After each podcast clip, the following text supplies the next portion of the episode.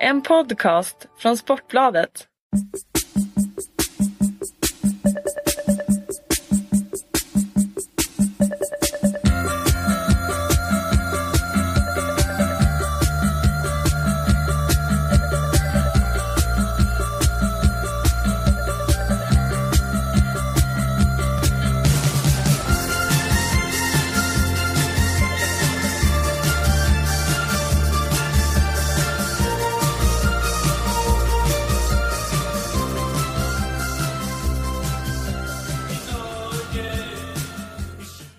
Hej där och eh, välkomna till eh, 51% fotboll, Sportbladets podd om eh, Allsvenskan.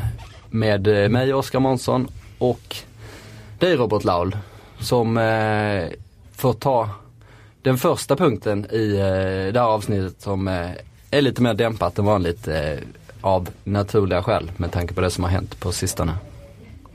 Ja, det är klart att det blir ett eh, eh, speciellt program här med tanke på tragedin i Helsingborg och eh, vi kommer givetvis ägna en del av programmet åt eh, det. Eh, vi brukar kalla oss för Folkets podd och den här händelsen, den här dödsmisshandeln, den har ju eh, genererat ett eh, eh stort engagemang bland människor givetvis och jag har fått extremt mycket mail, säkert du också, eh, där folk skriver av sig, där folk har liksom förslag på på vad man kan göra och där, där folk påtalar problem som finns runt svensk fotboll då och eh, jag tänkte helt enkelt eh, läsa upp delar av de mejlen och se vad vi tycker och tänker om det. Det låter väl som en bra idé och sen kan vi kanske reflektera lite kring det. Som Ja. folk har sagt. För mig är det helt nytt av de här breven du ska läsa upp. Ja. Eh, så vi får se vad det blir. Absolut, sen eh, gör vi det och sen tänkte vi väl eh, gå in och titta lite på de premiärmatcher som har spelats också på, på den fotboll som har spelats. Sen har ju du varit på den eh, superettans upptaktsträff då som du ska få berätta om lite senare i programmet. Men vi börjar som sagt med eh, eh, ett antal mejl vi har fått här och eh, Eh, Eh, jag fick ett bara för 44 minuter sedan här. Det är från Johan Andersson, eh, Järnkaminerna, Djurgårdens eh, supporterförening då och han berättar om den här insamlingen som Djurgårdsfamiljen har, har startat. Han skriver här att Livet som djurgårdare är nu inget vidare och det är svårt att känna någon som helst glädje. Den lilla glädje som går att finna är i alla vänner och bekanta som på sitt sätt stöttar både varandra och familjen som så oerhört tragiskt blev av med en älskad far, en älskad make och en älskad vän. Johan berättar vidare här då hur de har samlat in pengar på Hovet bland annat och eh, bara igår då så samlade Djurgårdsfamiljen in 172 000 kronor då i, i kontanter som som ska hjälpa den här familjen som man skriver som inte bara har förlorat en älskad far och make utan även en person som försörjde sin familj. Eh, man kan hjälpa till eh, här genom att smsa bidra 100 aldrig mer till nummer 72 672. Bi, bidra 100 med siffror. Aldrig mer. Eh, Det vill säga bidra mellanslag 100 med siffror. Ja, just det. Mellanslag. Aldrig mer. Det går säkert att söka I upp den här kampanjen på, på nätet. Va? Numret är i alla fall 72 672 då. Eh, han riktar ett särskilt tack till den Örebro-supporter som skänkte 500 kronor. Och det är klart att pengar, Oskar, blir väl är liksom betydelselöst kanske så här i, i det första tidiga skedet. Men, men det är en fin gest givetvis som, som Ja, det- Djurgårdsfamiljen gör här. Och, Ja det uppmuntrar vi såklart. Eh, många mejl som sagt, det var ett. Sen eh, som sagt det kommer mycket mejl om, om, om vad man kan göra här. Vi har en kille som heter Tobbe eh, som skriver ett långt, långt mejl om eh, att han liksom som som kund till Allsvenskan kräver lugn och ro kring matcherna. Han, har en lön, han jämförde liksom med han, han går på, på eh, ska flyga med ett flygplan eller vad, var han nu går liksom. Som, som kund till Allsvenskan så anser han liksom kunna ställa ett krav på att som, som besökare så ska det vara lugn och ro. Och, eh, och eh, då, då finns det liksom ingen, eh, ingen bortre gräns mellan, menar han på för hur hårda liksom insatser man ska sätta in runt matcherna för att han som liksom betalande kund ska, ska kunna få en, en, en fotbollsupplevelse utan att höra ramsor som förnedrar motståndare, utan könsord och, och utan våld och givetvis. Och, ja, jag vet inte. Ja. säger kan man, kan man ställa så? Liksom, är det, det är relevant? Och, relevant är det givetvis men går det i ett sammanhang som fotboll?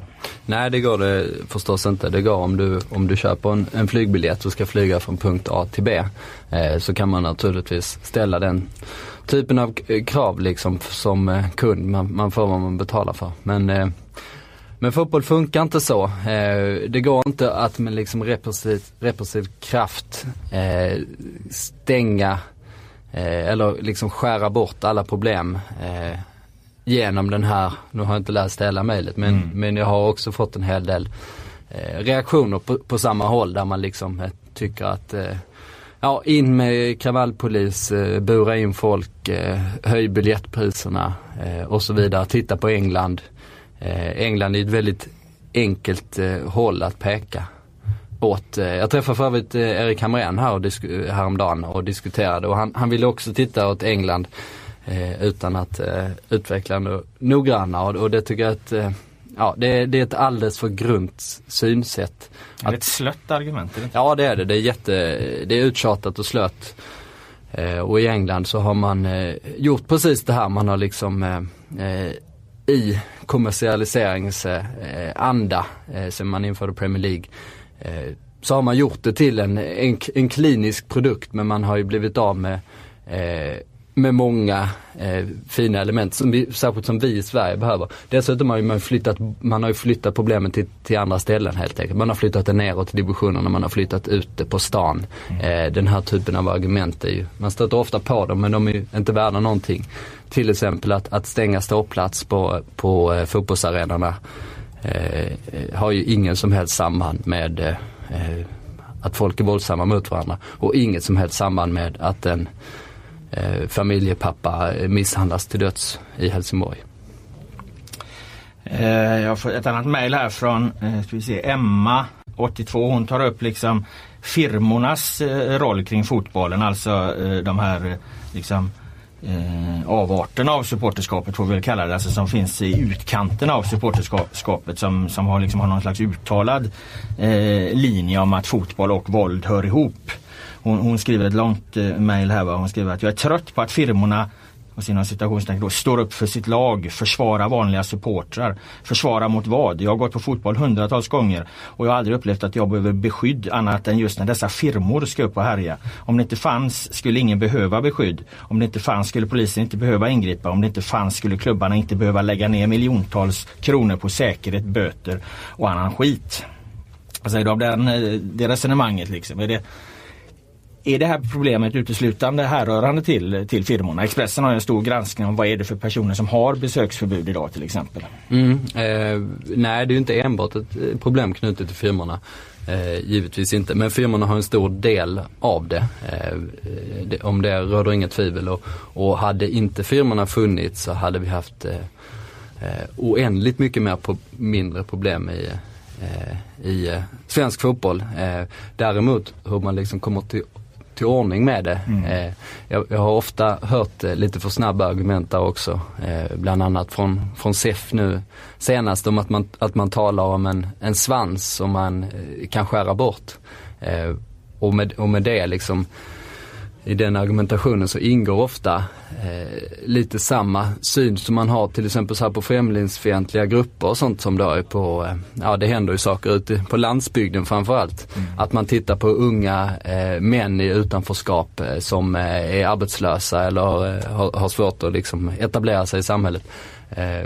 Men om man tittar på de studierna som har gjorts kring firmaverksamheten så kan man ju definitivt se att det är män som är där men man eh, kan inte se liksom eh, någon så här socialt utanförskap utan det är snarare hela spektrat där. Det är ganska etablerade medborgare så att mm. säga som, som är med där också. Så det är lite mer problematiskt än så. Men där är väl just där man kan liksom kräva av, av eh, eh, samhället utanför fotbollen, alltså poliser och, och de maktmedel som finns. Så att det, det, det, det, är liksom eh, mot firmorna, runt firmorna som, som den typen av åtgärder kan, kan sättas in. För där är det ju ett bevisat eh, problem som är kriminellt. Så. Så, så där, där, kan man kräva liksom just i den delen kan man ju kräva hårdare tag då. då som säger. Det som blir fel med, med hårdare tag det är när det ska slå mot alla supportrar på något sätt. När alla supportrar ska, ska drabbas av det. Men liksom att, att, att, att hårdare och tydligare eh, eh, eh tag mot eh, firmamedlemmar som bråkar mot, eh, mot den typen av ordningsstörningar. Det, mm. det, är ju, det, det, är ju någonting man kan kräva liksom. Björn Eriksson som har gjort den här eh, huliganutredningen som det heter då som var till, tillsatt av regeringen. En rapport som visserligen efter två års eh, oerhört gedigna studier eh, slängdes i soptunnan mer eller mindre när den landade på Beatrice Asks eh, Han har börjat få igenom några av förslagen där bord. men det tog ju som sagt två år. Ja, två eller fyra år till och med ja. tror jag. Eh, för, för vissa som han liksom eh, presenterade sitt delbetänkande. Eh, Eh, men han var ju inne på det vad det gäller eh, firmorna där, att man skulle köra Al Capone-metoden. Lite så som jag vet polisen jobbar mycket med, med kriminella gäng mm. överlag. Det vill säga att man, man mer eller mindre trakasserar de här personerna genom att följa dem i trafiken, sätta dit dem för trafikförseelse eh, trafikförseelser för liksom, eh, man tittar på det ekonomiska, vad det nu kan finnas för eh, bokföringsbrott eller vad det nu är. Mm. Eh, för att liksom den typen av eh, kriminalitet i de gängen är sällan isolerade utan det, det ingår ofta ett stort paket och jag tror i firmaverksamheten kan det också finnas en hel del element av liksom eh, eh ja, av kriminalitet som, som spiller över lite här och var. Eh, och där tror jag att eh, Björn Eriksson är ganska, ganska rätt på det. Mm. Eh, ett mejl på ett annat tema då från, från Thomas då, det, det, rör liksom det här med när stora bortaföljen kommer till, till andra städer då som, som det var i det här aktuella fallet när väldigt många eh, Djurgårdssupportrar åkte ner till Helsingborg Ehm, jag skriver här att eh, vad vi borde prata om är att det på något sätt blivit kutym att fotbollsmatcher förknippas med våld. Vi borde prata om att idioter drar runt i horder iklädda masker och fotbollströjor för att slåss, förstöra och uppenbarligen mörda. Vi borde idiotförklara dem allihopa. Det finns inget försvar längre. I samma stund som du ställer dig en klack till något av berörda lagen så har du valt sida. Står du där i den tysta tigande massan så tar du ställning för idioter som kastar smällare på målvakten. Eh, och så vidare. Han har ett, ett, en lång utläggning om det.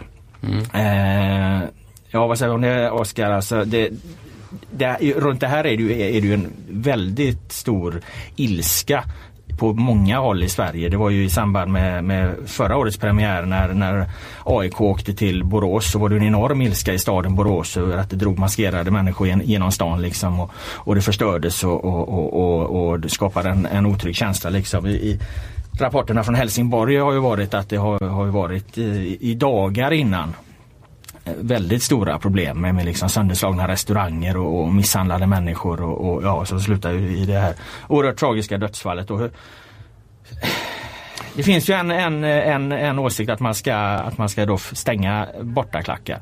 Att man inte ska tillåta det. Jag hörde Viktor Kapell då, Black Armys ordförande, han sa att man kanske ska titta på de här det finns ju då en regel om att bara 10 det, det är vad, vad, vad hemmalaget måste lämna ifrån sig till bortaklacken och han menar på att ja, men det kanske är relevant att hålla sig kring de här 10 procenten för då, då blir det inte så enormt stora bortaföljen. Ja, kanske. Det är lösningen. Det är ju den, den sista det är det sista jag vill. Eh, jag mm. vill ju såklart att... Men det är ju inte att stänga då utan det är ju liksom att, att, att försöka hantera det på ett annat sätt. Ja precis, det är inte att stänga det. Men det är ju begränsat. Vilket är tråkigt då med tanke på att uh, stora bortaföljen är ju i grunden något fantastiskt som, mm. som ger sporten energi på, alla, på alla möjliga plan. Men ja, möjligtvis att det, att det är lösningen.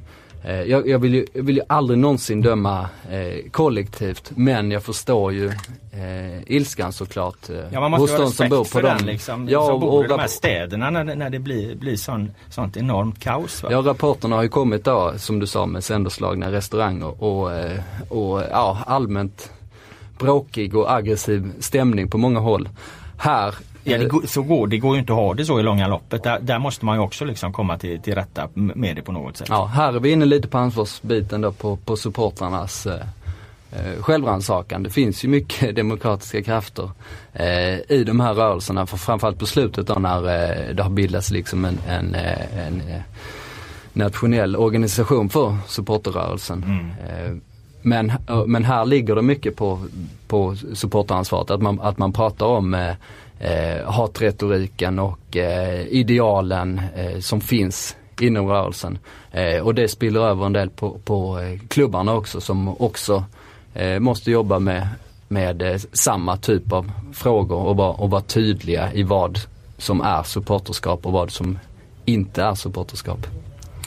Eh, ett mejl från JO här då eh, markerar att man bryr sig är, är rubriken och eh, eh, det han skriver då att det jag skulle vilja se är att spelarna i Allsvenskan markerar tydligt att man inte accepterar det som händer och ropas från läktarna under en match. Mitt förslag är att spelarna i båda lagen kommer överens om att om det ropas hat, ord, eh, rasistiska glåpord oavsett från vilken del av läktaren att man helt enkelt slutar spela och bara står stå stilla på planen så länge det behövs för att göra en markering. Eh, då kan man säga det om IO där att eh, är det något fotbollen har, har varit eh, bra för och effektiv på då är det ju faktiskt att få bort rasismen. Den är ju i, i stort sett borta från de, de svenska läktarna. Eh, det fanns ju problem med det förr i tiden för, en, för, för vad kan det vara, 15-20 år sedan liksom. Mm, ja, Kanske ännu längre än så men, men eh, den, rasismen existerar inte alls på det sättet. Nej det är en icke-fråga verkligen. Ja. Eh, oerhört glädjande då med tanke på om vi tar 90-talets klimat. Mm. Eh, där rasismen fanns eh, på läktarna. Det hängde ihop med samhällsklimatet. Eh, att det fanns den typen av strömningar i samhället då som var på uppgång. Mm. Och där är vi faktiskt idag igen. Men som precis som du säger, det har inte tagits in, in eh, på läktarna mm. överhuvudtaget. Och de, och de små undantagen då, där någon eh, liksom har yttrat någonting, det har ju liksom tystats ner mm. på nolltid. Så där är ju fotbollen oerhört eh, integrerande och positiv. Ja, där har ju fotbollen varit en, en, en väldigt eh, stark kraft. Va? Och, det bästa menar, vi har i samhället ja, på, på, och, på den punkten. Och jag menar det, man ser ju att fotbollen och, och eller supportrarna eh, har ju tagit itu med andra sådana frågor nu på, på senaste tiden här. Alltså det har ju varit upprop och, och, och initiativ mot eh, mot eh, homofobin och, och, och, så här va. Eh, IFK Göteborg och Malmö supportrar bland annat som, som drog igång den här kampanjen då så att eh, det, det, har ju varit väldigt positivt. Men tillbaka till JHs idé här då att, att man ska helt enkelt ska stoppa spelet när om det, om det ja, händer elände på läktaren. Ja man har gjort det med bengaler då till exempel. Ja. Men, det, men jag vet inte riktigt, jag, jag förstår resonemanget men jag, men jag tror inte det är riktigt rätt väg att gå och markera på det sättet. För att Eh, om, man, om man hackar upp en match på det sättet då, då, då frångår man på något sätt det sportsliga och, och effekten kan ju bli lite, lite motsatt då. Mm. Det är lite som om man eh, utsätter en text eller ett fenomen för censur så kommer det liksom upp eh, så kommer det liksom eh, uppmärksammas dubbelt istället. Eh, jag tror det är lite typ av, av samma grej. Jag förstår frustrationen men, eh, men jag tror inte, tror inte det är rätt väg att gå. Ett sista mejl då eh, som Anders har skrivit här det, det gäller liksom eh, inför matchen Helsingborg-Djurgården då. Eh, han menar på att eh, att eh, det gjordes uttalanden eh, i medierna då från Helsingborgs sida om jag förstår det här mejlet rätt att det, att det liksom bara skulle komma 3500 djurgårdare men att det i slutändan kom 5000 och att polisen därigenom skulle varit eh, underbemannad och att eh, eh, det var det som liksom orsakade ja, i förlängningen då den, den här situationen och, och allt bråk där. Vad, vad har du för bild av liksom hur, hur polisen har hanterat situationen i Helsingborg? De säger ju själva att de är de är liksom nöjda med sin taktik och eh, att de liksom, de har ju helt enkelt gjort vad de har kunnat. Va? Sen gick det jävligt illa men, men rent eh, eh, eh polisiärt då så, ja, så har de hanterat situationen hävdar de. Mm, det här eh, 3500 eller 5000 det skrev jag mycket om själv. Eh, det var eh, dåligt samarbete mellan Helsingborg och eh, Järnkaminerna då, Djurgårdens supporterklubb. Mm. Djurgården aviserade tidigt att de skulle komma med ett stort bortafölje då, 5000 man. Men sen hade de en dålig dialog helt enkelt kring det här. Helsingborg gick väl med på att släppa mer än de här 10 procenten då som man behöver. För 10% på Olympia skulle ju vara under, under 2000.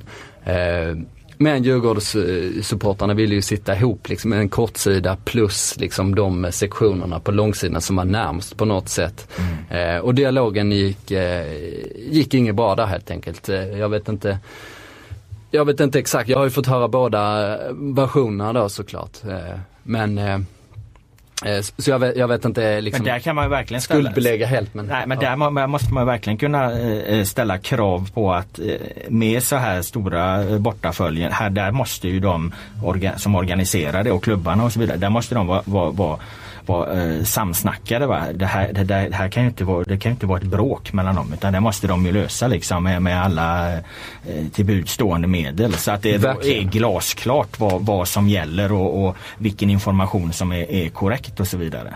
Verkligen, det, det måste man ha en bra dialog kring. Det har dessutom ganska lång tid eh, och eh, självklart så vinner ju alla på Ja. mycket publik och, och folkfest i, i en premiär så då måste man samarbeta. Polisens agerande i Helsingborg, eh, jag har ingen aning om det. Jag var, inte, jag var inte på plats, jag kan inte bedöma det. Men om vi ska prata om ansvaret då, vi varit inne på lite på eh, Eh, på klubbarna och supportrarna då än så länge så, så har polisen mycket eh, att jobba med också.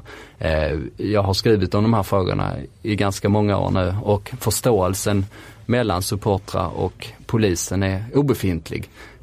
Jag, kan inte, jag kan liksom inte bedöma enskilda situationer på stan men jag har fått massor med vittnesmål om övervåld och ja, liksom eh, hetsigt beteende från polishåll då.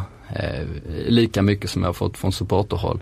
Och när jag skrivit de frågorna eh, så, ja, det är ganska svårt att få tag på polisen för de vill inte diskutera det här. Jag upplever att det finns en enorm prestige där eh, mell- mellan de båda parterna och att de är så långt ifrån varandra så, så det, är liksom, det är svårt att säga någon, eh, någon lösning på det. Generellt så upplever jag det. Eh, kan väl nöja oss med mejl där. Jag ska höra, jag skrev själv om, om, om vad jag liksom jag gör mig inga illusioner om att hålla liksom de stora lösningarna, de stora svaren. Men jag tror ju att eh, de som är, är, är bäst skickade egentligen att- lösa det här, eh, inte då de liksom ytterst kriminella elementen. De kan liksom de, de goda supporterkrafterna givetvis inte lösa. Men alltså eh, Läktarrösterna är ju oerhört stark. Jag menar det såg man ju den här eh, kampanjen för några år sedan, eh, SVFF fotbollsmördare, när de var tysta 10 minuter och sen började skandera det här. Och eh, det här var på alla arenor i landet och efter det fick de ju till en, en bra och konstruktiv debatt om supportrarnas villkor. Alltså den här kampanjen gjorde ju verkligen någonting för deras situation. Jag är helt övertygad om att, att det kan bidra till en positiv utveckling om supportrarna, eh, alltså läktarna, klackarna, eh, gjorde en liknande kampanj, en landsomfattande kampanj där man vände sig mot hatet, mot våldet eh, som finns mellan supportrar. Eh, jag säger inte att det absolut inte är, är hela lösningen men jag tror att det skulle vara extremt eh, viktigt för fotbollen. För att med alla de åsikter om hårdare tag och stängda borta sektioner och, och ta bort ståplats och all, allt vad det är liksom. En, en extremt kraftfull kampanj och, och från, från läktarna. Eh, det, skulle, det tror jag skulle visa att här, det här vill man verkligen, verkligen ta itu med. Även för de som inte är så insatta och kanske inte förstår att det redan görs väldigt mycket. Där tror jag de har väldigt mycket att vinna på alla sätt. Dessutom tror jag faktiskt att det kan bidra till att, att minska våld. För hatet är ju en del i det. Alltså, Alltså man kan inte dra någon, någon, något direkt eh, likhetstecken mellan hatsånger och våld och så vidare. Men alltså finns det inget hat så blir det mindre våld. Det är jag helt övertygad om. Eh, absolut, jag tror också att man eh, eh, kan lyckas eh, genom en kampanj få stort genomslag. Jag tror det finns en poäng också i att vara övertydlig i dagar som dessa. För när en person misshandlas till döds så, så flyttas ju eh, frågan och fokus eh, utanför sporten. Eh, både i, samtalet ute på stan och eh, ja, på vår tidningsredaktion till exempel.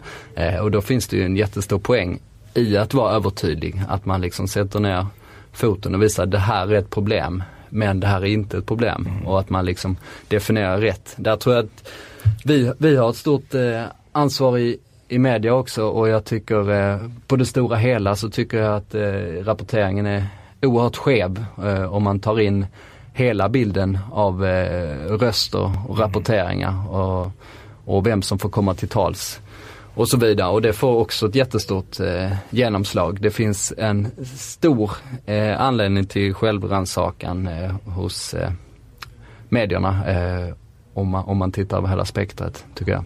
Mm. Ska vi stänga eh, den diskussionen med det eller har du något mer du vill? vill ja det sista är väl då, man kan väl lägga till, vi var inne lite på det med politikerna, den största okunskapen av alla eh, ligger ju nästan eh, där kan jag tycka eh, i, kring de här frågorna. Om vi, har, har eh, vi var inne lite på den här eh, utredningen som, som Björn Eriksson gjorde under två års tid eh, efter att Per Unkel hade inlett arbetet. Han, han gick bort mitt i eh, mitt i sitt arbete, eh, tragiskt nog, men han, han inledde det och det var en, en studie då som, eh, som eh, regeringen hade, hade beställt. Eh, men den slängdes i papperskorgen och sen så för då var man inte nöjd riktigt med, med det som eh, presenterades. För det passade inte riktigt in. Till exempel det med polisnoterna då. Och då tillsatte man en snabbutredning av en man som hette Bo Svensson som, som uppenbarligen inte hade en aning om vad fotboll handlar om. Eh, men, men det säger lite om eh, eh, om okunskapen då och eh, ja de första utspelen nu handlar till exempel om att eh, stänga ståplats då som, som att det skulle ha något som helst samband då med, med att en man har blivit eh, dödad på, på, på stan. Så där finns också oändligt många steg att ta.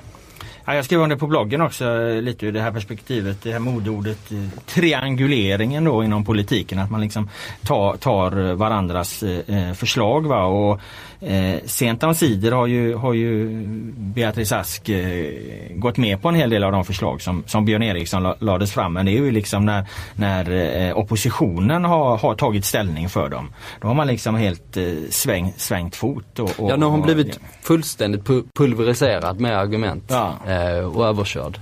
Då har det ju hänt, ja. men, men först då. Nej, det, det, det, är väl ett stort misslyckande att när det, när det görs den här oerhörda satsningen på den här huliganutredningen som ju föll, föll, föll bra i alla möjliga sammanhang. Liksom. Alltså, de flesta var överens om att Björn Erikssons eh, huliganutredning, ja, den, den, den kommer föra den här frågan i en positiv riktning. Ja, den var, den var gedigen på så sätt att den var både Eh, den kändes vetenskaplig i sin karaktär liksom eh, med mycket empiri. Att han hade helt enkelt eh, studerat det materialet som fanns och, gjort liksom oändligt antal besök mm. ute i landet och internationellt.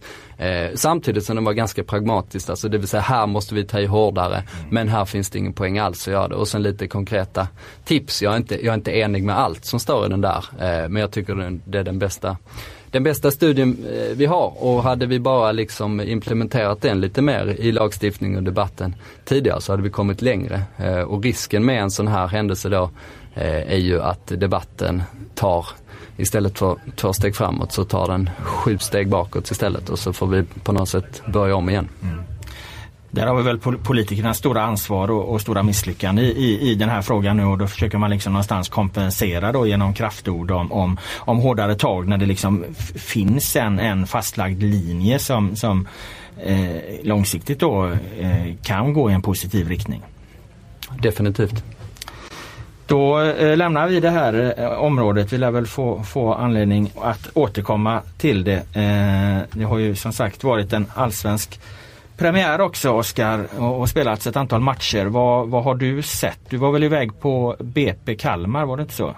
Jo, den, den är jag, det är jag lite nyfiken på för att eh, den här händelsen har ju gjort att, att man, eh, ja dels har det varit väldigt eh, konstigt att liksom skriva om fotboll. Det har ju liksom knappt gått. Det har ju känts så futtigt att nu ska man plötsligt liksom in och analysera en match och så, och så, så liksom har en, en människa dött i fotbollens spår. Det, det, det har ju varit väldigt eh, konstigt och, och, svårt och jobbigt och, och liksom hantera det som journalist i, i vår yrkesroll. Eh, så man har inte riktigt eh, hängt med och fått eh, så mycket grepp om de andra matcherna. Men du var på Kalmar, eller BP Kalmar där som sagt. Alltså, ja det var jag. Nej, jag, har, jag har samma känsla som det också. Jag känner mig helt eh, mosig nu. Jag har ju, ja, vi har ju jobbat dygnet runt med det här de, ja. de sista dagarna nu. Eh, och det är mycket känslor och det är mycket folk man, eh, ja, man har daglig kontakt med som, eh, ja, som liksom utstrålar precis samma sak liksom. Tragiken ligger ju som en filt över allting.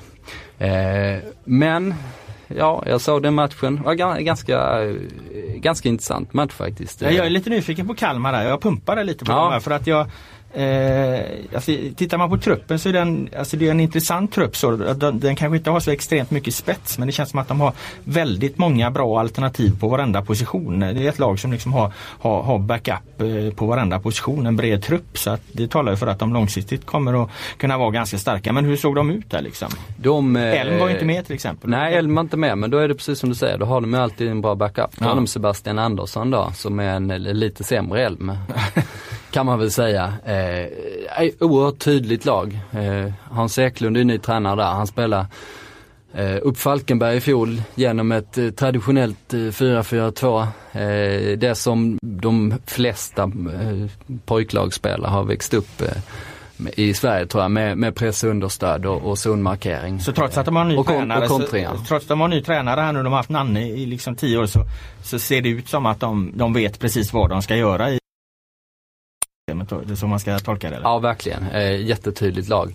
Eh, Esmail, deras eh, tekniska innermittfältare, spelar till höger eh, och istället, istället satte de in Hovda, norrmannen, eh, fysisk innermittfältare. Det var liksom signi, signif, signifikativt. Det är väl han som ska Så, ersätta- svårt att prata men, ja, men det är eh, väl han som ska ersätta Rydström va? även om han inte alls är, är, är samma spelartyp då. Han är väl en mer tvåvägsjobbande eh, eh, mittfältare. Rydström eh, han skar ju mest av ytor och slog koncentrerade femmeterspassningar. så att, Ja så är det.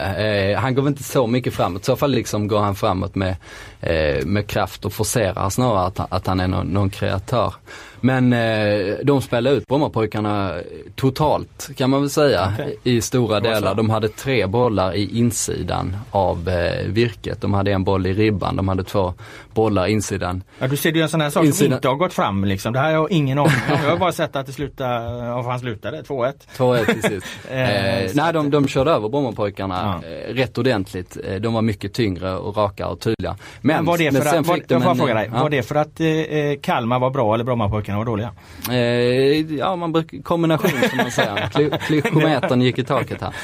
Eh, men eh, eh, sen, fick, eh, sen fick de en utvisning eh, faktiskt. Brommapojkarna fick en utvisning på Jakob Une Larsson. Mittbacken som jag brukar hypa. Och då hände någonting. Med Brommapojkarna då, märkligt nog. Och då fick de rätt bra tryck på slutet. Eh, och var hyfsat nära att kvittera till sist ändå. Men, eh, men överlag så, så var det faktiskt rätt stor skillnad. Okay. Brommapojkarna var ju svårt skadedrabbade, eller svårt och svårt, men de hade väl ett mittfält som var långt ifrån eh, ordinarie och ett sånt lag eh, tar ju ganska mycket stryk på om, om viktiga spelare är skadade, det får man väl tillägga. Så är det. Mauricio Albornoz eh, saknades som var deras bästa spelare förra Ja, och även säsongen. Andreas Eriksson eh, är ju en, en nyckel för dem. Precis, och han är ju korsbandsskadad Ja. då men han kommer ändå komma tillbaks några omgångar in i serien och då blir Brommapojkarna klart bättre. Så det var den första matchen jag såg. Men Okej. du, du var lite längre söderut. Ja, jag var ju nere på eh, eh, Malmö Falkenberg då. Jag såg den här första halvleken av, av Helsingborg Djurgården på eh, TV. Jag käkade på centralen i Malmö och då passade jag på att- se första halvlek då. Men det bröts ju där. Som sagt så att det, det är väl kanske inte så mycket att analysera spelet i, i, i eh, Helsingborg-Djurgården matchen i- vid det här tillfället. Det kan vi vänta med att göra. Men däremot så var jag på eh, Malmö Falkenberg och eh, ja, regerande mästarna mot eh, Henke Larssons nykomling. Eh, en ganska så typisk premiärmatch om jag får kontra med att eh, slå klyschometern i taket då. Ja, men det, det, det, det var så alltså och det tillstod väl spelarna efteråt också i Malmö att eh, det var lite nerver. Det, var liksom det var något som hängde över deras axlar när de inte får hål på, på Falkenberg direkt. Så att det här är en ganska jämn match i, i eh, ja, i 60 minuter skulle man väl kunna säga. Men, men när, det, när det väl lossnar för, för Malmö FF liksom och de, de får bort den här tyngden från axlarna och de, de slipper tänka på att oj nu kan det, kan det bli en, en fiaskopremiär här det är så viktigt att vi ska komma rätt in i det. Då ser man ju att det är en oerhörd eh, skillnad på de här två lagen. Då blir det väl verkligen en match som visar att Malmö FF är ett lag som kommer slåss om guldet det här året medan Falkenberg är ett lag som kommer att få slåss för, för, för ett nytt kontrakt. Malmö har väl en eh, budget på över 200 miljoner tror Ja, jag och ja. Falkenberg har ju allsvenskans minsta Ja. på 17 kanske, Ja, ja. eller något i den stilen och, och Ja. det avspeglas väl också i de, längden. ja, de hade ju ett eget kapital här. De löste ju det med liksom, de hade, trodde, trodde de var 23 000 kronor i eget kapital. Va? Det, det är inget resultat alltså utan det är det egna kapitalet. Vid ett tillfälle var på 20, 23 000. Jag menar det var som jag skrev i Allsvenska Bibeln. Där. Det är ju vad Simon Tern lägger på hårgelé per säsong. Liksom, så att, Jag trodde du skulle säga det var Simon Bank tjänar på en dag. Ja, det, det skulle jag också kunna ha sagt. Men. Ehm, nej, i alla fall så ehm, Ja, apropå Simon Tern där så gjorde han ett intressant inhopp. Jag har ju varit lite kri- kritisk och skeptisk mot honom och jag har ju fått Åge Hareide med mig där för att Malmö, en diskussion kring Malmö är just det där centrala in i mitt fält och, och, och Åge har ju kört eh, under försäsongens sista matcher och även nu premiären då med, med Erik Johansson och, och Marcus Hallstig från start. Eh, oerhört fysiskt. är Ja det, det är det ju va och, och, det är väl någon slags förberedelse för, eh, för Champions League kanske och, och för tuffa matcher här och så men mot ett, liksom, eh, ett, ett uppspelande och, och, och lågt försvarande Falkenberg så var väl det inte det, det är ju inte det mittfältet som liksom dyrkar upp en motståndare. Så att när Simon Tern bytte, han bytte, bytte, gjorde det här bytet i halvlek tog han ut Erik Johansson. Och det är ju rätt, eh, det är ju rätt tufft liksom att skicka ut någon eh, i, i, efter en, halvlek i, i premiären. Drar man en parallell till, till AIK så tror jag säkert att Andreas Alm ville göra byten i, i halvlek mot IFK Göteborg för när det inte fungerade. Kennedy Boananiki var ju i, i den här matchen en, en solklar etta liksom Liksom. och med facit i hand kanske man skulle satt in den här store finnen då på topp. Markkanen redan i, i paus liksom. Men det är ju tufft att göra det i en premiär när man liksom har jobbat på ett visst sätt under försäsongen. Ska man bräcka det här redan i paus då? Men det gjorde Åge Hareide i alla fall och fick ju effekt på det. Simon Tern i en mer offensiv position. Falkenberg fick en offensiv spelare ytterligare att hålla reda på. De raka uppspelen hittade rätt bättre till Marcus Rosenberg och det var ungefär så första målet kom även om det också var en del av en målvaktstavla. Men det var som var intressant. Och Tern gjorde två mål där Ja, sen gjorde han två mål då. Eh, men jag skulle säga att hans stora insats det är liksom att han kommer in som en annan spelartyp. Alltså de här målen han gjorde var väl ganska så enkla. Va? Det var ett friläge och ett, han stötte in i öppet mål. Men han kommer framförallt kommer han in som en annan spelartyp. Men man får mer offensiv balans på det. Det skulle jag säga är, skillnaden. Eh, Eh, men det som var intressant alltså det, det är ju att Malmö spelar ju annorlunda, det gör de. De är ju, mycket, de är ju, det har ju pratats om att de ska vara rakare och så. De är väldigt konsekventa i, i att försöka liksom såra sin motståndare rakt igenom upp på Marcus Rosenberg. Jag trodde att Rosenberg skulle vara mycket mer djupledsgående men han möter eh, väldigt mycket och där var han ruskigt bra. Han, han föll ur matchbilden i rätt stora eh, stunder. Han var bra en kvart här och en, en kvart där. Alltså, men, men när man ser ju när, när, när spelare som har varit på den nivån han har varit kommer ner till Allsvenskan. Alltså, du ser ju direkt, jävlar vad, vilken, vilken kvalitet det finns här. Ja, det är väl precis det han har lärt sig under sina år Ja. utomlands och behärska det spelet. Han, ty- han tycker själv att han inte är särskilt bra på det där men eh, då har han väl en annan måttstock helt Ja. enkelt. En grej som jag vill sticka in då eh, från Helsingborg-Djurgården, Ja. det var eh, som jag tyckte var kul att Mark Majambela då startade på topp för Djurgården och gjorde en ganska pigg insats och var väl eh, eh, sköt ett skott som Prijovic gjorde Mm. Returmål på. Eh, ha- har jag bara läst mig till nu slår det mig, jag har inte ens sett, eh, eh, sett det. Men, Mm. Det jag, men, jag, men jag blir i alla fall glad att han eh, visar framfötterna. Jag gjorde en intervju med honom eh, nu innan den allsvenska starten. Eh, och Mark Majambela är sy- sydafrikan som växte upp i riktigt eh, tuffa kvarter i Kapstaden och han, han berättar om det då, eh, bland annat om hur hans eh, bror blivit skjuten i, i eh, en del av gängkriget som, som pågår där. Om, eh, han berättar om eh, den ständiga jakten på, på mat eh, och så vidare. Eh, en intervju som, eh, som, som jag skrev då inför premiären och ja, den gav ju ett visst perspektiv då kan man ju säga. Eh, såklart så, så och, ja, det blev, personligen blev jag glad att han, eh, Han att, var bra. att han gick in han och var visade bra. Jag lite. såg ju den här första halvleken. Han var bra på en ovan position för han är yttermittfältare egentligen. Va? Nu fick han spela, spela anfallare då. Va? Eh, han utmanade och, och, och var stark i, i en mot en situationer eh, eh, framförallt. Och det här eh, avslutet du talar om det, det var ju, det var ju i samband med, med, med Djurgårdens mål då. Så att, eh, han, såg, han såg intressant ut, det måste jag hålla med om. Sen dagen efter om vi ska gå fram så Ja. var både du och jag på Friends Arena. Vi var på, på Friends Arena och såg eh, AIK IFK Göteborg, en match som då också stördes av, av eh, massa elände där. Eh, framförallt då IFK Göteborgs klackens idé liksom att bränna av massa bengaler där. Eh, bengaler är olagliga, sen så kan man ju ha, ha sina åsikter vad man tycker om det. Men, och, och man, man vill liksom inte fördöma allting stenhårt. Jag menar AIK tände ju några bengaler i, i, innan den här matchen och det kändes ju på något vis ganska så organiserat även om det naturligtvis innebär böter för klubben och så här, Men men eh, eh det kändes som man hade koll på det i IFK Göteborgsklackens bränning eh, uppe på, högt uppe på läktarna när, när, när det dessutom slängs ner bengaler. Eh, kändes ju helt idiotiskt och tillför inte någon stämning på det sättet eh, när man står uppe i, ett hörn där annat än för dem själva som någon markering liksom. Ja, jag Nej, begriper det, inte det, det överhuvudtaget. Ett för idiotiskt beteende givetvis att kasta bengaler. Eh, I det här fallet också. De kastade sig ner på etagen under som var tom. Eh, men sen så ska det liksom, det har ju slagit gnistor och, och trillat ner grejer. Eh, ner till etagen under den och där, det är ju liksom en familjeläktare då. Mm. Eh, givetvis idiotiskt. Jag har varit inne på det innan. Eh, jag tycker att man, eh, in, jag tycker inte man ska förbjuda bengaler. Eh, jag tycker ja, de är ju redan förbjudna. Men, eh, jag tycker man ska tillåta dem.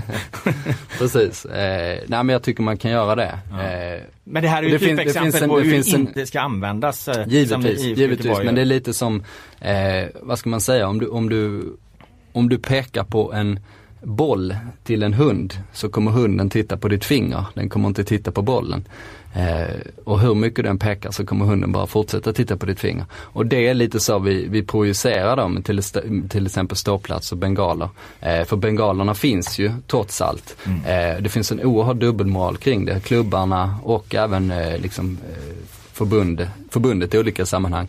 Eh, de, de marknadsför sig oerhört mycket på de här bengalerna. Eh, så fort det visas tv-klipp i reklamsammanhang eh, och så vidare så, så eh, är ju bengalerna ett givet inslag. Eh, så jag menar det är ju inte, det är inte ofarligt med pyroteknik men det finns en, en, en, en liksom nästan moralpanik kring det här. Eh, Niklas Svensson, eh, Expressens politiska reporter, twittrade genast ut när det kom de här rapporterna om att Eh, om att en nio, nioåring träffats eh, av en bengal i, i den här matchen. Då, då twittrar han ju ut liksom att eh, eh, om någon lång harang om, om idioter och att eh, liksom, no, eh, ja, en nioåring kunde ha dött liksom med stora bokstäver. Eh, och det blir ofta den typen av mm. retorik. Det är givetvis förkastligt om någon kastar en eh, en bengal mot någon annan och i det här fallet vet jag inte exakt hur det går till och det blir ju ännu mer tragiskt när det, eh, när det är ett litet barn som drabbas. Men man måste hålla det på någon, någon slags vettig nivå. Mm. Jag tyckte det var den här matchen då, AIK Göteborg, oerhört tråkigt att det solkades ner eh, en sån här dag när det liksom var en manifestation för de, för de goda krafterna. Eh, men man får ändå sätta det i någon slags proportion där, mm. särskilt när en människa har, har eh, dött. Den här planstormningen då till exempel, som du pratar om, var en ensam eh, full kille som betedde sig idiotiskt. Eh, det är liksom... Eh, det hade ju inte varit någon större sak. Det, det betyder inte, inte så mycket. Om det inte hade hamnat i den kontext det nu hamnar med att det var dagen efter det här. Så är det. Eh, det får man väl påpeka. Men eh, om vi lämnar det och tittar på matchen så var det en rätt märklig match. Vi satt ju där på pressläktaren och undrade vad fan de går ju på planen ju. Alltså det var ja, ett oerhört ja, lågt tempo. Ja det här alltså det, det, den typiskt. inte se komma den matchbilden alltså. Nej precis, den här eh, AIK-frenesin som man är van att se eh, fanns ju överhuvudtaget inte. Och Göteborg spelar eh, kompakt organiserat. Men, men utan och, aggressivitet, det var det som var Ja, konstigt, men ganska va? lekfullt också. Jag tänkte ja. komma till det. Och hade Göteborg var ju som jag ser det, de var ju klart bättre helt enkelt.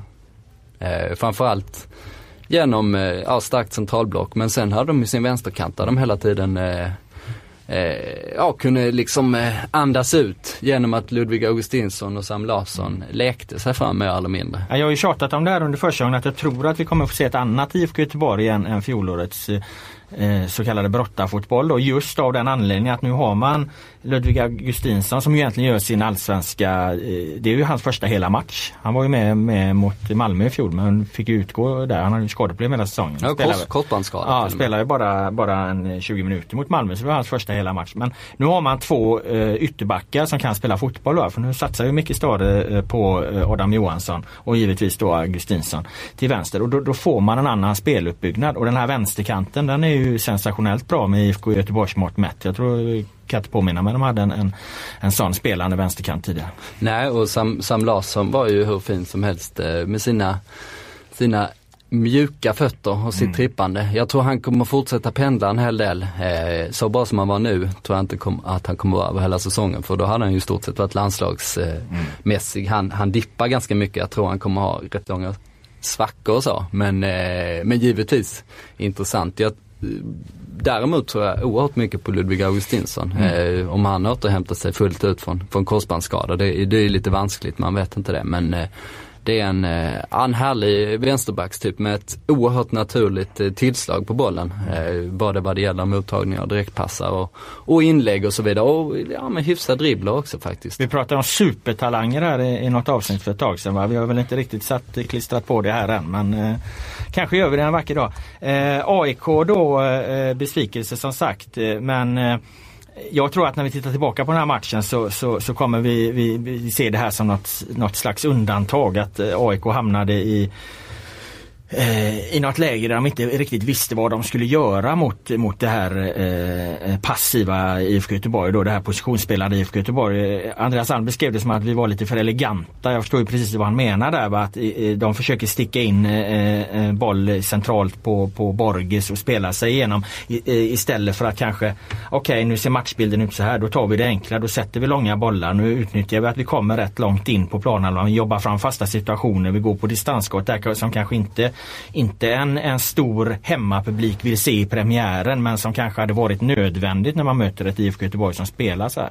Ja, eh, jag tror att man kommer vara mer cyniska och mer resultatorienterad om man får säga det så eh, framöver. Ja, resultatorienterat är ju eh, en eh, term som passar väl med AIK får man säga. Men ofta, många gånger har de bara struntat i hur de ska spela och bara manglat hem poängen på något mm. sätt. Det är ju lite AIKs stora styrka. Eh, dessutom har de ju ett, spel också, de har ju många skick, skickliga spelare. Eh, så, så det kommer vi säkert få se men av någon anledning så brukar det ju ta ett tag. De brukar ju liksom vakna till liv först vid sommaren någon gång. Jag tror att den här Panayotis eh, Dimitriadis, eh, eller tror, tycker att han eh, borde ha en plats i AIKs eh, startelva.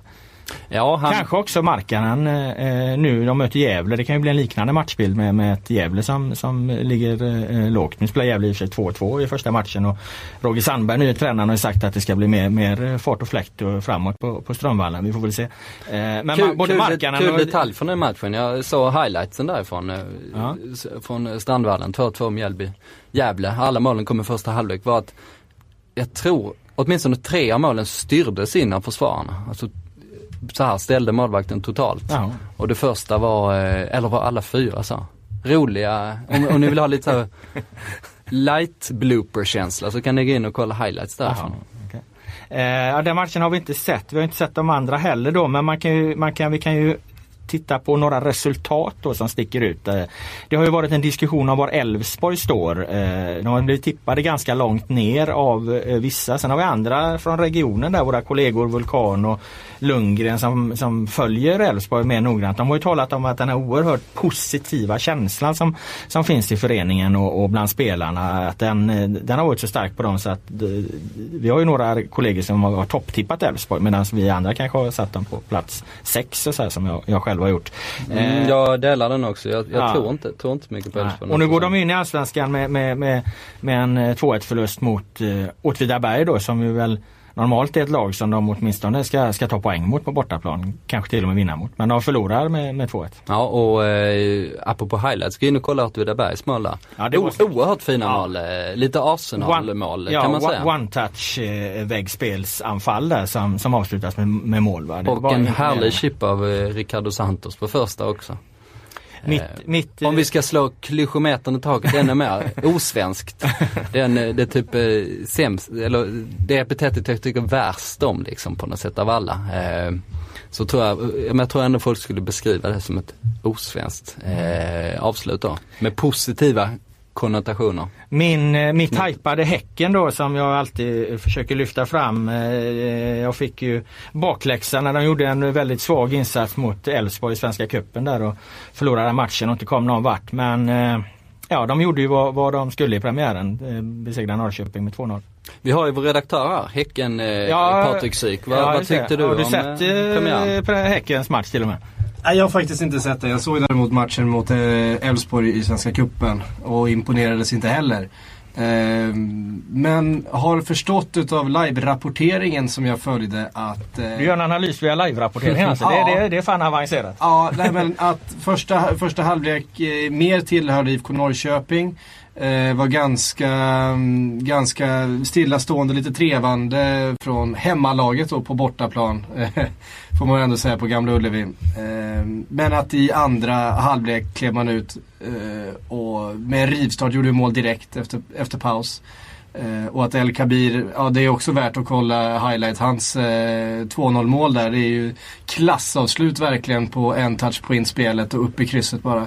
Eh, fantastiskt vackert. Eh, så där på ganska, några få minuter så blixtrade man till, visade den klassen som eh, man faktiskt har och det avgjorde. Ja. Alltså det där är ju egentligen ingen, ingen, ingen slump med, med Häcken. Jag såg dem mot Mjällby då i Svenska Cupen också innan och eh, de liksom de, de tröttar ut motståndarna. Motståndarna får jobba så oerhört hårt mot deras många, många anfallshot. Va? Och, och, och det kanske inte ger resultat direkt men mot Mjällby var det i alla fall precis så här liksom, att efter ett tag då, då, då, då, då, då går det ur. Va? Då, då orkar man inte, motståndaren inte hålla liksom, positionerna lika Han mot eh, konsekvent. Va? Norrköping. Ja. Eh, Jag ska bara säga att det, det är ju ingen slump heller att det är eh, liksom Kari Arkivo som driver upp och spelar in en till El Kabir. Att det är de här spelarna som gör det lilla extra som står för en högre kvalitet när man väl smäller till. Man vet ju vilka, vilka hot som finns i Häcken men, men de är så pass bra så att de är oerhört svåra att göra någonting åt. Framförallt när man då börjar komma upp mot en timme spelare. Ja, vi försöker få tyst på våra redaktörer nu men när det gäller Häcken då kan han inte sluta prata. Går det, går det bra för Häcken i år då kommer vi få höra mer av, av, av vår redaktör Syke. Ja, jag instämmer i det här, eh, eh, ja, highlights eh, tips nummer tre. Fantastiskt mål var det. Häcken är ett lag att, som är ganska enkelt att tycka om just nu. Eh, det går bra för dem, eh, spelar rolig fotboll. Och ja, det rör sig framåt. Ja, de, de utvecklar i svensk fotboll. De spelar på ett nytt sätt liksom. Eh, eh, och jag, Och det viker de inte från fastän det gick åt skogen i fjol va? För att de har inte det trycket utifrån. En, en, en, en förening som Göteborg eller AIK eller Djurgården de hade o- haft oerhört svårt att hålla fast vid exakt samma spelidé, kanske till och med samma tränare eh, efter en, en, en sån fiaskoartad säsong som Häcken gjorde i fjol. Men, men eh, det kommer inga eh, krav på, på avgångar och så på det sättet i Häcken utan Peter Gerhardsson kan ju fortsätta jobba på exakt samma sätt så att de kommer ju egentligen ett år starkare i sin spelmodell till den här allsvenskan. Eh, vi har en match som vi inte har sagt ett ljud om och det är väl eh, Halmstad-Örebro va? 2-1 till eh, Örebro. Och det, jag har inte sett den matchen heller ska jag vara ärlig och säga. Du kanske har sett några highlights eh, innan du redogör för det så kan jag säga att eh, det visar ju någonstans, här kommer alltså nykomlingen Örebro, eh, vinner med 2-1 på gräs då, Örebro är ett eh, konstgräslag. Jag, jag tycker att det här säger någonting om att förhandsprognoserna runt Halmstad har nog kanske inte varit så dumma. De kommer få problem i år. Det kan vara så. Eh, jag, jag har inte sett matchen, jag har sett highlights här också. Kan inte rekommendera highlightsen lika, lika varmt i det här. Men det det- vår fallet. vän P.O. Ljung där som vi hade med i programmet förra gången. Han, han plockar ju hem då tre poäng i premiären. Ja det gjorde han. Eh, jag pratade faktiskt med eh, Glenn Silverholt häromdagen. Mannen som jag kallar för Göran Silverholt i den här podden. Som är... Ja du har ett par pudlar att göra för du, du lurar ju i mig att Joakim Jensen var sportchef i Norge, min gamla lagkamrat för, för, för Ljungskile här va. Och, och du har liksom eh, Och det är- rört ihop familjen Silverholt till, till, till eh, leda och bedrövelse. Så att, eh, Nej det, eh, nej, det har du alldeles, alldeles rätt i. För att, för att den här eh, Eh, Silverholt då, som är pappa till eh, de två Silverholt-pojkarna i Halmstad. Eh, heter alltså Glenn och är marknadschef. Jag kallar honom Göran. Eh, vilket fick dig iväg på någon sidospår. Och sen har vi sportchefen i Fredrikstad som jag fick för mig var den gamla Ljungskilebacken Joakim Jensen. Men det är ju den gamla GIF Sundsvall-spelaren Joakim Jonsson. Ja, okay. Eh, Han har inte vilket- spelat med kan jag säga. Nej, men det fick också iväg det på ett sidospår och gjorde Ja, på... ja det fick mig att döma ut Jocke Jensen som ganska trög som spelare. Eh, Jag har inte fått några reaktioner på detta så att det kanske Nej. ingen som noterade det. Men... Så eh, vi får väl se vilken miss jag har gjort i det här programmet då som har fått det eh, och spinna loss. Men han var i alla fall, eh, han var väldigt besviken över det och tyckte det var en skitmatch, eh, rätt och slätt. Eh, Ja. eh, och eh, ja, de Var hade- är vi nu? Glenn? Glenn, Ja, Glenn, Glenn Silverholt. Ja, precis. Han var besviken. Glenn som i vissa forum kallas Göran då. Ja. Men, eh, Vad var hans titel sa du? Han är marknadschef Ja, och okej. eh, slash försäljningschef tror jag det heter. Okej. Eh, tre, trevlig man eh, märkte jag direkt när jag pratade med honom. Men de hade givetvis stora förhoppningar på att slå Örebro på hemmaplan i, i första matchen. Men eh, jag delar, delar analysen eh, som jag i och för sig har eh, stått för själv också sen, sen några, några veckor fol- det är närmast folkbildande det här programmet. Nu vet vi att eh, Halmstads eh, marknadschef inte bara heter Glenn, det är en trevlig gubbe också.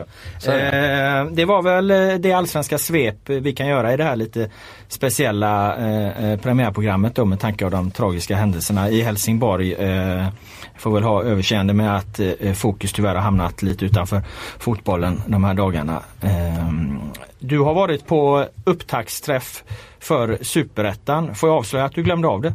Ja det har jag, har jag eh, outat i, eh, i i tv-program här igår. Ja, okej. De frågade vem som, eh, vem som bar upp sin lagtröja sämst av tränarna. Eh, och det visste jag inte för jag försov mig så. Ja just det. Men du, sanningen var att du glömde av det. Ja, det, eh, sanningen var att jag var inbokad på det här sedan ganska länge tillbaks. Ja. Eh, men jag har glö- glömt det helt och hållet. Vad säger det mest om Oskar Månsson eller om Superettan? Eh, det säger väl mest om mig faktiskt. Jag, Okej. jag hade jag hade gärna varit där hela dagen. Okay. Ja, du var där i alla fall. Var, Men ibland är jag lite glömsk och, och de här sista dagarna när vi jobbat dygnet runt, jag var väl hemma halv fyra då, om man ska ha någon slags förmildrande omständighet kring det. Men jag kom åtminstone till eh, andra halvan så jag fick Såg du Nanne Bergstrand? Jag såg Nanne. Var han Eh, fem plus på scen? Eh, Nanne var fyra plus, Fyra plus. vilket är tre plus mer än alla andra.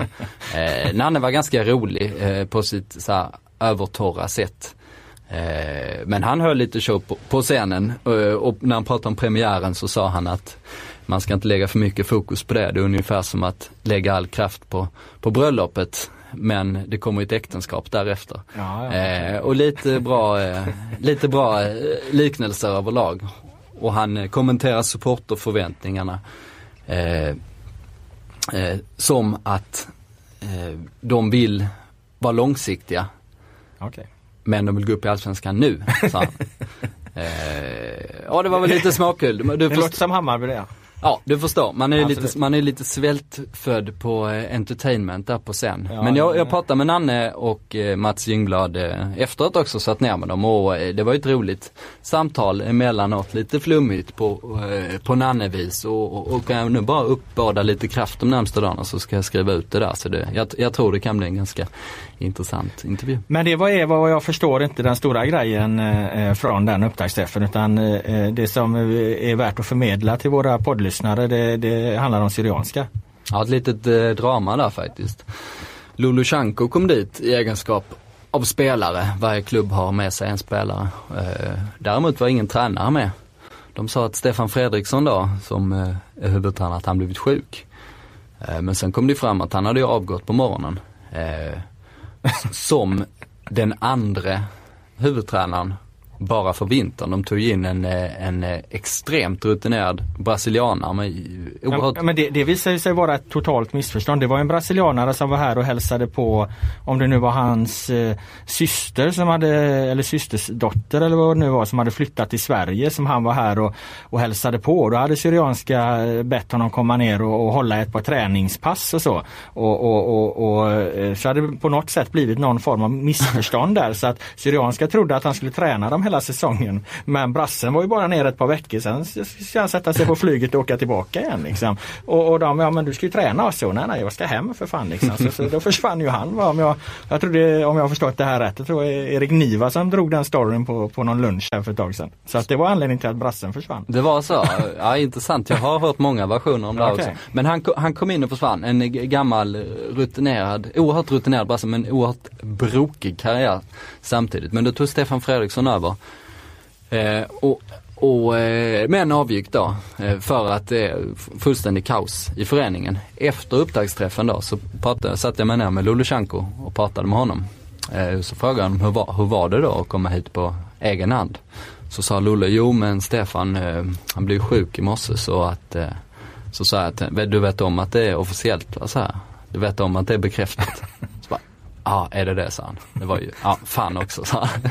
Och då fick han, då fick han erkänna. För han, han var tillsagd alltså att komma dit med, med, med en eh, lögn alltså? Ja, han, han fick ju reda på det på morgonen ja. själv. Eh, så jag antar att han ville väl själv också hålla upp någon slags fasad. Men vi pratar ju då om läget i klubben och han eh, Eh, ja, det han eh, berättade för mig var ju liksom en klubb i fritt fall. Verkligen. Eh, fått in fyra spelare nu absolut sista sekund och då kan de väl i stort sett ställa upp eh, eh ett lag på benen. Men han berättade om att de plockat upp en kille från eh, juniorlaget som aldrig spelat högerback. Han ska spela högerback i A-laget. Han berättade om löner som släpar efter för många, för många spelare. Något som, som man hört rapporter om i, i flera år och eh, ja, all, allmän oreda. Ingen Men det är tränare. klart att det blir oreda när Özcan Melkmitchel släpper sitt järngrepp om, om den föreningen. Han har ju skött den liksom om man tittar på det spelmässiga och fotbollsmässiga då. Ja, under en herrans massa. Och nu är han ju i, i, Simor för övrigt. Jag träffade honom på,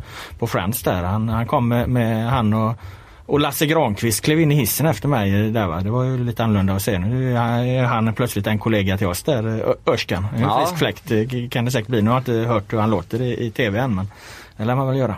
Trevligt. Öskan eh, tycker man om. En liten grej till där med Lulushanko då. Eh, jag frågar vem ska, vem ska träna nu då? För just nu håller Charbel Torma Ja, för han är väl assisterande Charbel? Ja, som är, han är skadad eh, ett tag till. Men han är ju, ja, har en tränarroll då också. Så just nu är det väl han som håller i det, antar jag. Men då tänkte Lullo ett tag och så, så sa sådan Lukic, sa han sist. Jaha. Det fan han hade varit bra liksom. Och, det är ju ganska intressant eh, och, idé liksom. Och få in nu. Så frågade men då får ni ringa honom sa jag. Ja men jag har försökt ringa honom, jag har inte fått tag på honom. Liksom. Lolo Chanko försökte värva eh, som sådan som tränare. Ja och Lolo frågade om jag hade nummer till sådan. Ja, ja, men det så han skulle ringa honom på eftermiddagen då. Det var i, eh, igår då, tisdag. Eh, så vi får väl se vad Kan vi uppmana Soran till att ta över den här klubben liksom och, och rädda Syrianska? De verkar ju vara, vara i akut behov av hjälp. Det känns ju som ett eh, sådan uppdrag också. Ja, han, han är någon slags eh, ungdomsansvarig tror jag det är i, ja. i Lidingö. Jag är, jag är lite inne i att min breda analys av Soran Lukic är ju han är ju extremt bra i lag med framgång men, men, men fullständig katastrof i, i, i, i lag som har problem. Va? Alltså, Då kanske du inte ska uppmana nej, honom så att jag, jag kom precis på det. Liksom, att, eh, å andra sidan eh, så, så helt odugliga i Superettan ska ju inte, ska inte Syrianska vara. Nej. Eh, Eller kanske de ska. Eh, ja, och Lollo berättar ganska mycket mer också. Jag eh, tänkte skriva lite om det här också. Det är intressant läge med fotbollen i, i Södertälje. Mm. Uh, överlag, nu blir det ju derby den här säsongen då, i mm. möta Syriska. Som däremot, de har ju också oerhörda problem med ekonomin. Uh, men de uh, har en, en, ganska bra trupp, en intressant tränare och tippade sen då och gå upp av, eh, av vissa där då medan Syrianska var en, eh, tungt nederlagstippade. Okay. Men eh, Hammarby får väl alltid flest guldtips i den här superettan eller? Så var det även den här gången. Ja, ja men de, det har de väl säkert fått precis som du säger de ja. sista. Men, fått en, Fyra men den här gången då. då. precis som alla andra år så känns det ju som att de kanske kan bära upp det. Nej men den här gången känns det väl så. De har gjort bra värvningar, de har bra tränare. Och eh, de tänker lite mer långsiktigt det här att de har... Ja förutom att de ska gå upp nu då. Ja precis, det är väl, eh, nej men det förstår ju vem som helst att, att allt annat än ett uppflyttande är ett misslyckande. Men däremot tror jag att Nanne Bergstrand är ganska smart rent retoriskt när han mm. säger att eh, vi, vårt mål är att etablera ett spel som håller i Allsvenskan. Eh, så att när vi tar steget upp i Allsvenskan eh, så ska vi vara redo för det. Det är liksom hans mantra då som han har upprepat 600 gånger på, på försäsongen. Men det är ganska smart för då kan man, då blir det inga så här halvtidsrapporter att man kollar, jaha hur gick det nu mot resultatmålet utan, utan då skapar man sig åtminstone lite lugn och ro och Nanna har ju skrivit ett fyraårskontrakt då. Eh, sen vet man ju att det när som helst kan svänga i klubbarna. Det kan eh, hända saker som man, inte, som man inte har koll på. Styrelser kan komma och gå.